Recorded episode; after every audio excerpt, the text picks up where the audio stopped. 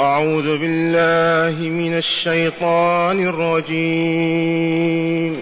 قل أرأيتكم إن أتاكم عذاب الله أو أتتكم الساعة أغير الله تدعون إن كنتم صادقين.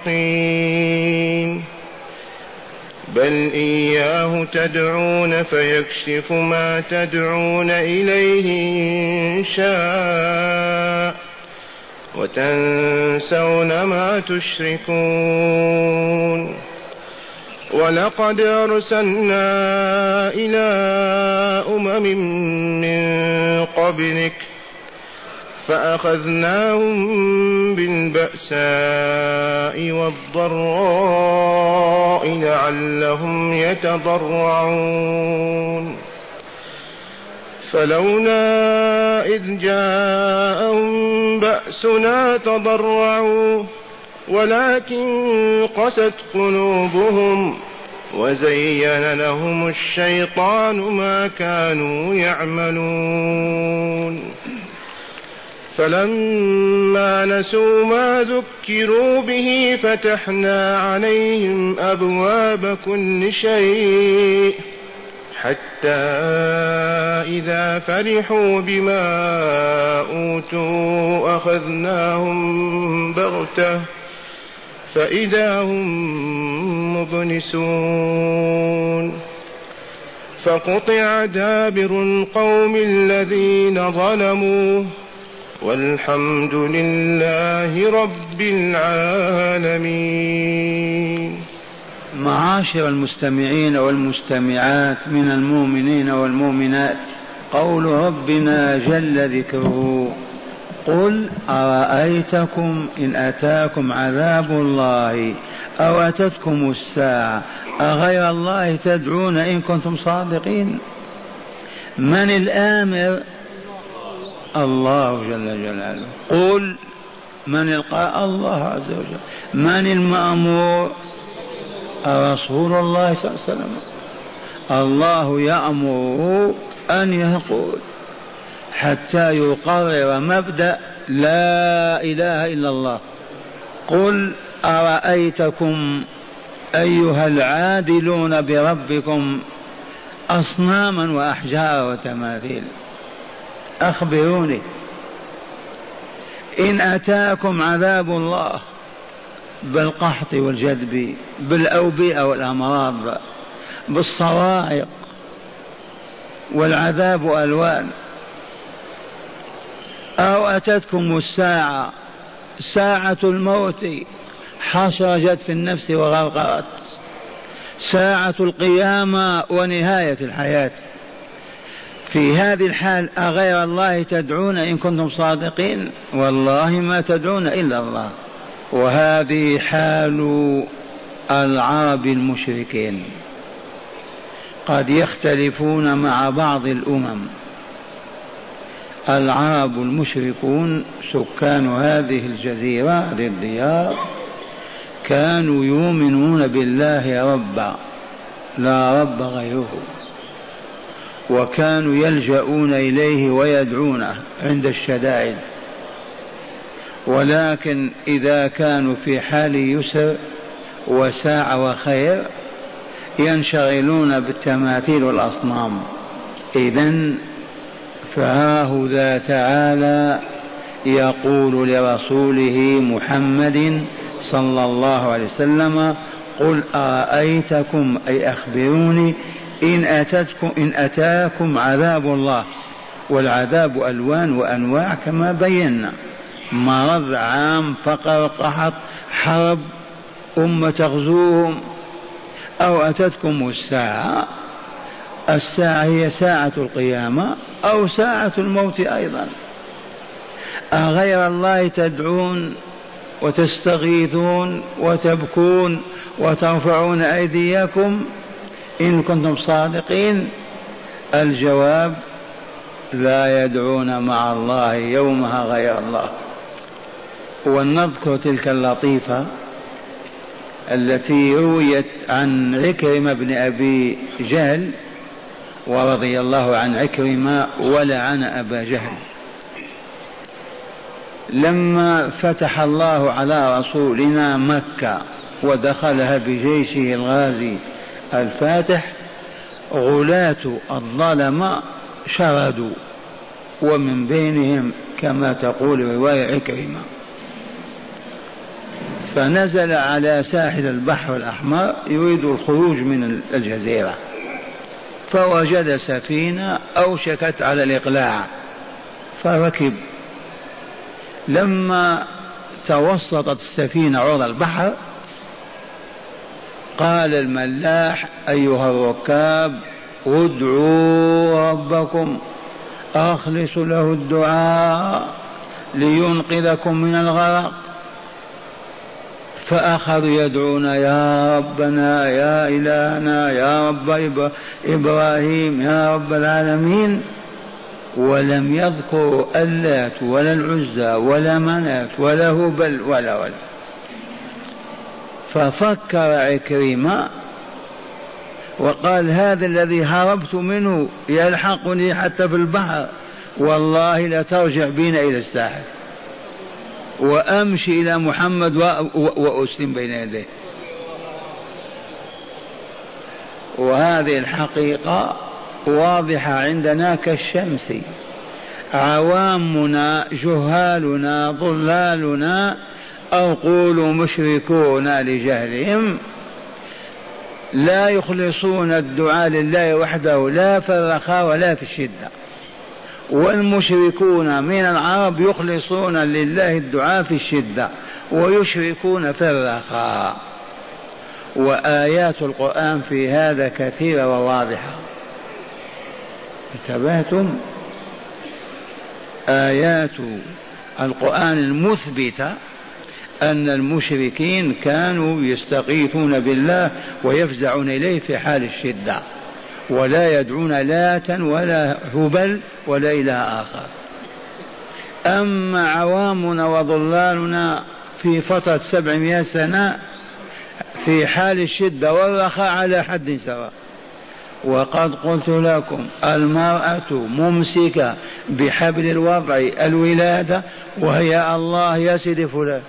في موقف أصعب من هذا وسفينة الحجاج التي ركب فيها الشيخ محمد عبده رحمة الله عليه مبحرة من طرابلس في طريقها إلى الإسكندرية إلى يافا تحمل الحجاج أيام الدولة العثمانية.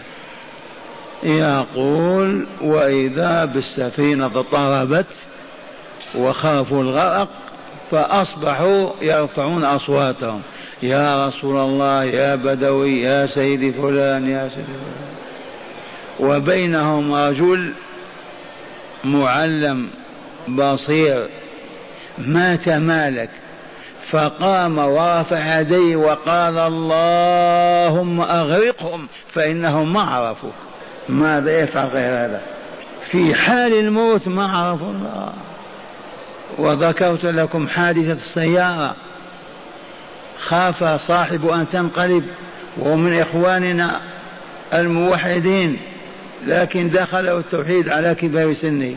وإذا به يا الله يا رسول الله يا الله يا رسول الله خشية أن تنقلب. هذه صورة ومثلها ملايين. أمة أبعدوها عن هذا الكتاب. هذه الآيات ما عرفوها ولا سألوا عنها قط. فكيف إذا تهتدي بدون هادي؟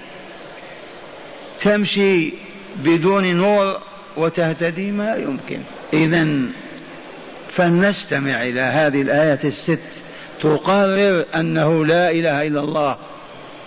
لا يدعى ولا يستغاث به ولا يستعاذ بجنابه ولا يطلب منه إلا الله في حال الخير والغير. في الرخاء والشدة في البأس والضراء. قل أرأيتكم؟ قل لهم حدثهم.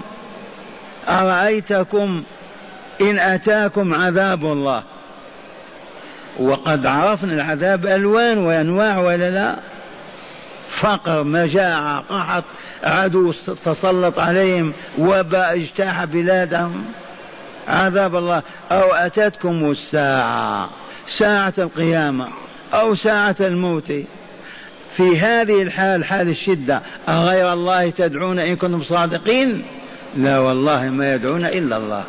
قال تعالى بل إياه تدعون. اسبقهم إلى الجواب. بل إياه جل جلاله وعظم سلطان تدعون لا تدعون غيره ولا سواه لأنكم تعرفون أنه لا يكشف كربكم ولا يزيل غمكم وهمكم إلى الله. أما هذه التماثيل لا قيمة لها. إذا بل إياه تدعون فيكشف ما تدعون إليه إن شاء. يكشف ما تدعون إليه من الغم والكرب إن شاء. ما هو مقهور أو ملزم أو لا بد. لأنه يعذب بحكمة ويرحم بحكمة. يعطي بحكمة ويمنع بحكمة. فلهذا التقييد من ألطف ما يكون. فيكشف ما تدعون إليه أي ما تدعونه لكشفه وإبعاده ما نزل منكم. إن شاء. وتنسون ما تشركون. وتنسون ما تشركون ما يبقى في ذهنهم لا اللات ولا العزى ولا منات ولا سيد عبد القادر ولا العيدروس كل هذا يزول من اذهانهم إلا ضلالنا نحن ما يزول ابدا. لعل من الحاضرين يشك في هذا الكلام. هل تتصور أن شخصا يكذب على المسلمين في مسجد رسول الله؟ من جرب علينا كذبا من أربعين سنة.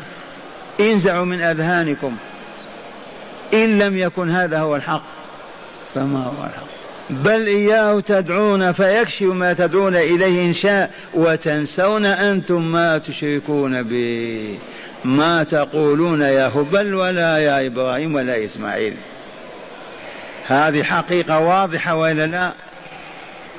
المشركون العرب بخلاف مشرك النصارى أو غيرهم لأن بعضهم يتصور الله في الشمس أو في القمر ويعبدها ولا يستغيث بالله ولا يعرفه. هذه أمة. أخرى تصور أن الله حل في جسم عيسى فهم يدعون عيسى كأنهم يدعون الله. وهذا الشرك هابط. شرك العرب الذي نزلت الآيات فيه شرك معقول يعني. يؤمنون بخالقهم برازقهم ولئن سألتهم من خلقهم أجب قبل ما يجيبون الله. قل لمن ما في السماء قل الله ما يكون هذا أبدا. يحلفون بالله وينذرون له أيضا. فشركهم أخف من شرك الذين ألهوا عيسى ولا يؤلهون الشمس والقمر والمخلوقات. إذا ثم قال تعالى ولقد أرسلنا إلى أمم من قبلك يا رسولنا فأخذناهم بالبأساء والضراء. البأساء مؤنث البؤس الشدة البلاء كالحرب كالجوع والضراء ما يضر. ويهلك الأجسام والعقول من أنواع العذاب. فعنا بهم ذلك لحكمتنا العالية. هم عبيدنا لكن ابتلاهم امتحانهم لأجل صالحهم. سنتنا أن نبتلناهم بالبأساء والضراء لعلهم يتضرعون إلينا. والتضرع هو التذلل والانكسار أمام الجبار بالصوت المنهزم والهيئة المنهزمة. وقد بينا أيضا في يوم الأيام ادعوا ربكم تضرعا وخفية إنه لا يحب المعتدين. تضرع قلنا العنز. ربيناها وعشنا معها في قرانا لما تلد الجدي بعينيك تراه. يأتي الجدي له نغم خاص يطلب اللبن ليرضع فالشاء العنزة تتواطأ تنكسر حتى تدنو من الجدي. والجدي تسمع له نغم ورعدة وصوت هذا الذي بين تعالى هذا التضرع. فلهذا الدعاء دعاء الله ما هو بالعنترية. ادعوا ربكم تضرعا أي متضرعين متذللين مرتعدين وتقول أم المؤمنين عائشة رضي الله عنها. أنا إذا دعوت عرفت استجيب دعائي أو لم يستجب. كيف تعرفين؟ قالت إذا أخذتني رعدة وسألت الدموع انتفضت عرفت أن دعوتي استجيب لها وهذا ربنا يدعونا إلى هذا. ادعوا ربكم تضرعا وخفيا. إنه لا يحب المعتدين. إذا ولقد أرسلنا إلى أمم من قبلك يا رسولنا أمة نوح أمة هود صالح إبراهيم أمم. فأخذناهم بالبأساء والضراء أي بالبلاء والشقاء بالعذاب امتحانا لهم. لعلهم أي كي يتضرعوا. تبهتم؟ ما تضرعوا. المفروض أنهم يتضرعون. رجاء أن يتضرعوا. فإذا تضرعوا رفع الله عنهم العذاب والبلاء. فيقول تعالى فلولا إذ جاء بأسنا تضرعوا ولكن قست قلوبهم وزين لهم الشيطان ما كانوا يعملون.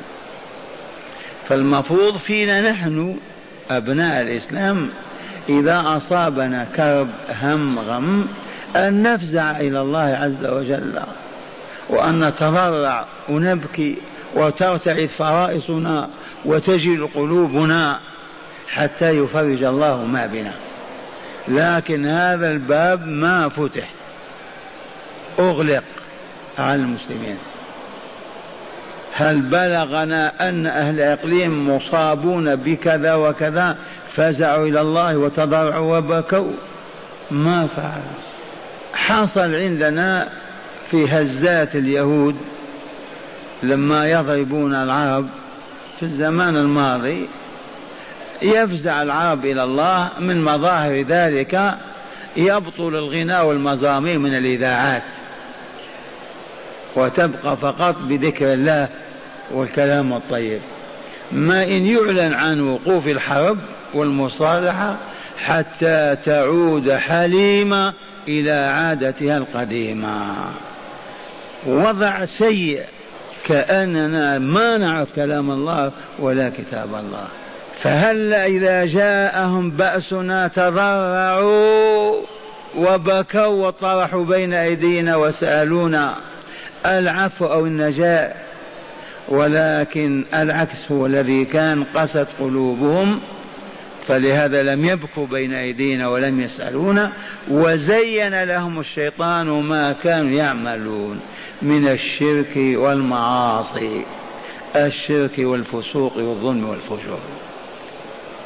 الشيطان زين لهم ما كان يعملونه فلم يتخلوا عنه ولم يتركوه مع أنهم أصابهم ما أصابهم.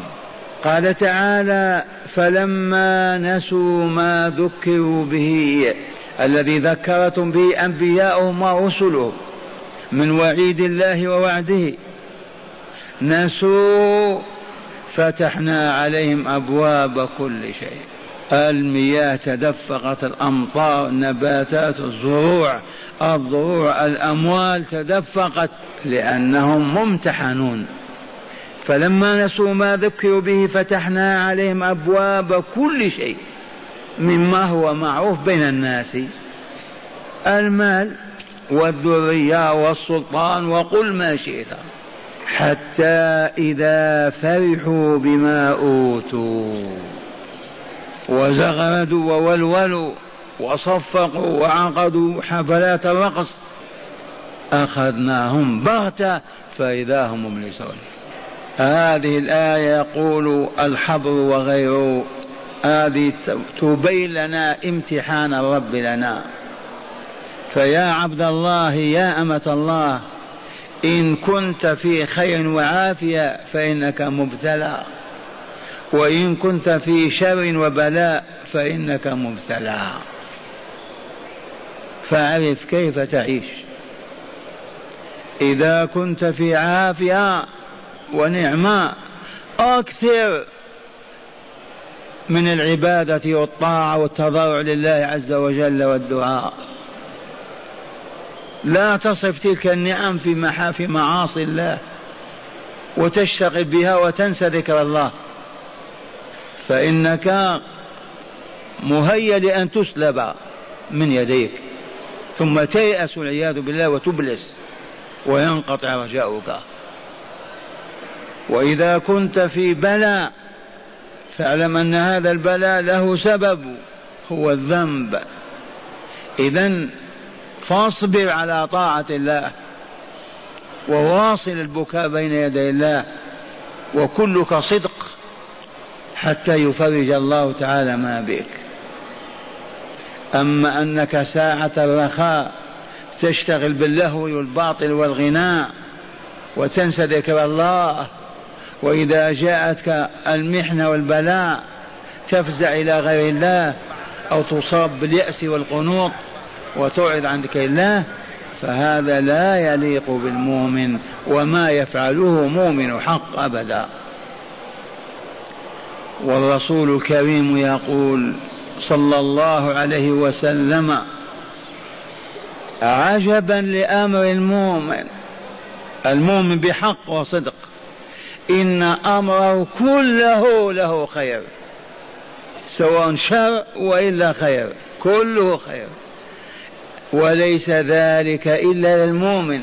إن أصابته سراء حال مسرة مفرحة غنى وراحة وأمن وطمأنينة شكر فكان خيرا له. ليبقى ذلك الخير.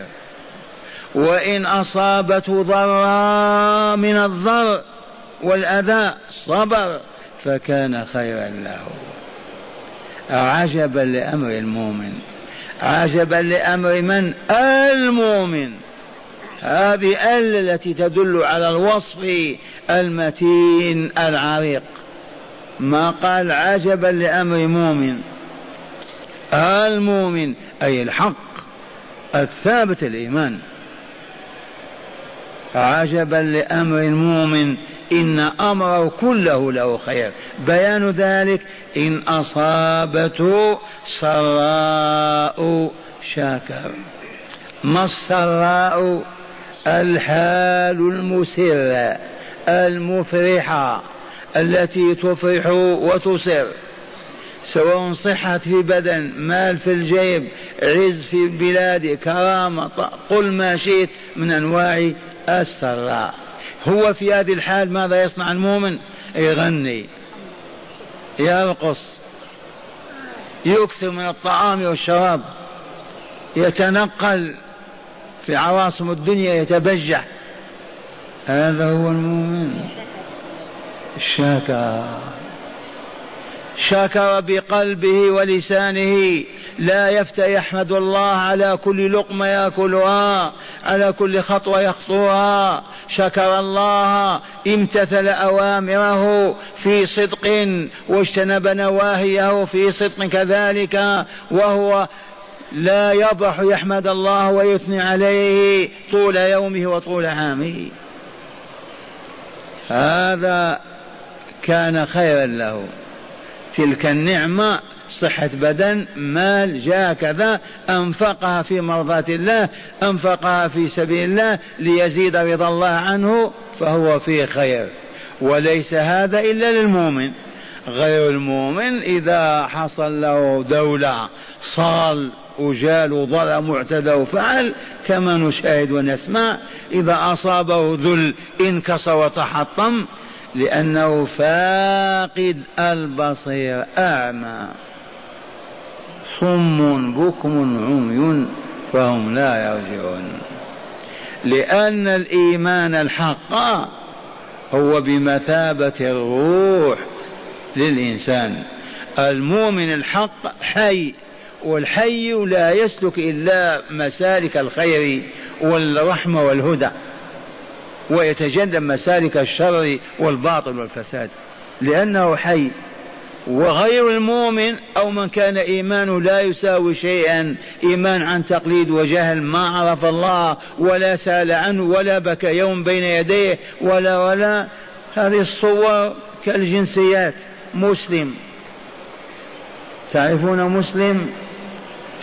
أذكركم بحادثة مضت. وهذه الحوادث هي عظات عبر لمن يعتبر. قال كاتب في مجلة أو صحيفة من حوالي ثلاثين سنة لقي فتاة في جدة صحفية. ثبتم سألها الجنسية قالت مصرية. قال والتدين قالت أظنه أظنني مسلمة ثبات أو ما الدين أظنه الإسلام. هذه مؤمنة هذه هذا هو المسلم. بل بأذني سمعت خارج البلاد من بين إخواننا هنا من يقول إنما هي أوقات موعودة فقط محدودة. وسوف ترتقي ديارنا ويزول الحجاب والعمى ويقع ويقع يقع. فهمتم ولا؟ والله بأذن سمعت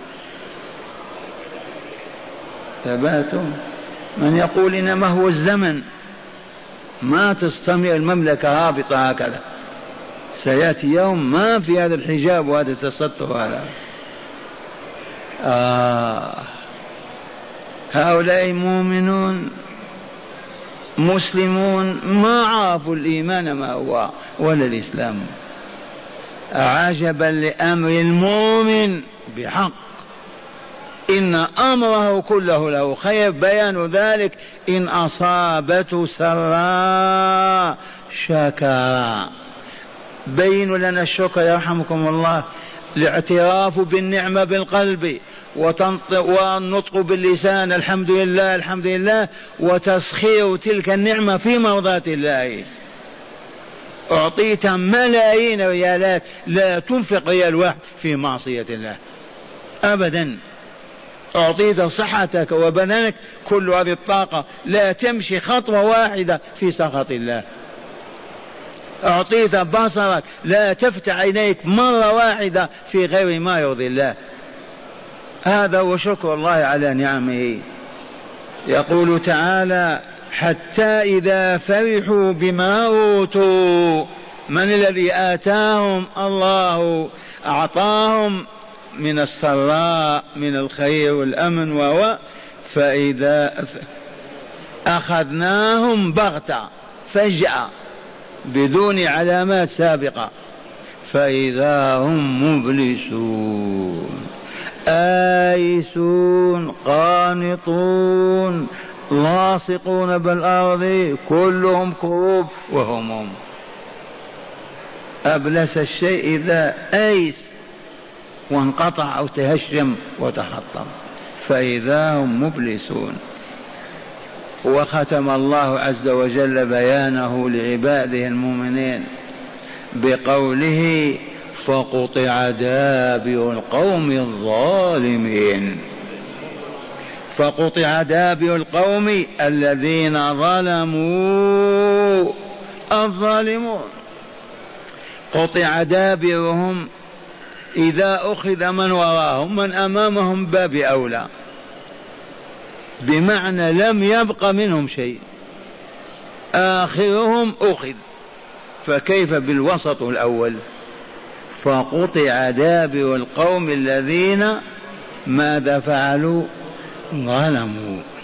ماذا تقولون في الظلم؟ هل يجوز؟ مسموح به.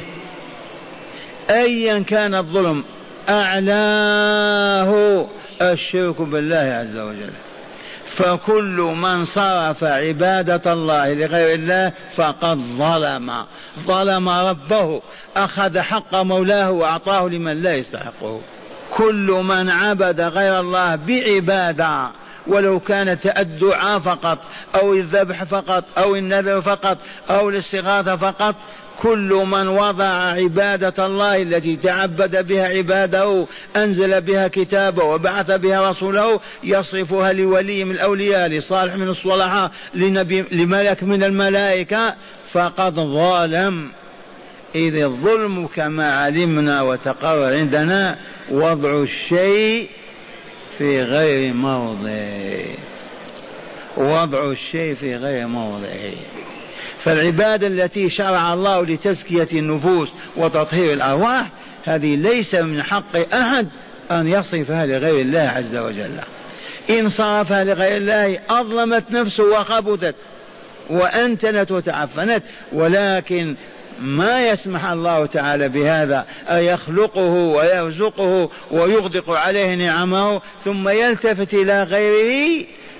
يدعوه ويرفع يديه هكذا ويترك ربه. هذا ينبغي أن يقطع دابره. فقطع دابر الذين ظلموا. درسنا الليلة عرفتم لم يبق بيننا من يفكر في الظلم أو يحاول أن يظلم. وإذا خطر بخاطر بباله خاطر الظلم استعاذ بالله من الشيطان الرجيم. وفزع إلى الله ولجأ إليه. درسنا الليلة عرفنا أن الله يمتحن ويبتلي بالسراء والضراء. لا تقل نحن في خير وعافية والأموال وكذا وكذا أنه مرضي عنا. والله ما هو إلا اختبار. فإن شكرنا دامت مدة النعمة واستمر زمانها. يوم ما نكفرها قد نمتحن فترة من الزمن السنة والسنوات العشرة فإذا لم نرجع تسلم من بين يدينا. ولا ترد. سنة الله في الأمم كلها.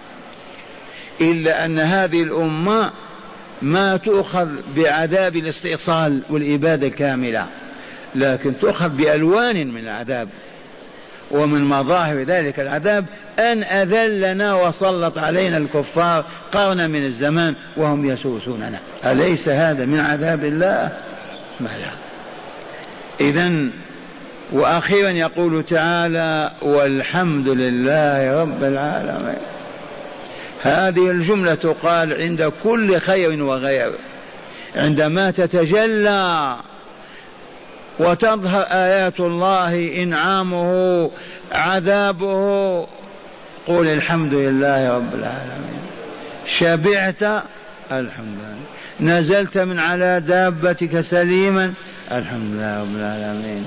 بلغك أن إسرائيل أخذتها العواصف وغرق اليهود الحمد لله رب العالمين. وهكذا كلما تجددت نعمة أو ظهرت نقمة من الله لخصومه وأعدائه. الحمد لله رب العالمين. علمنا الله هذا.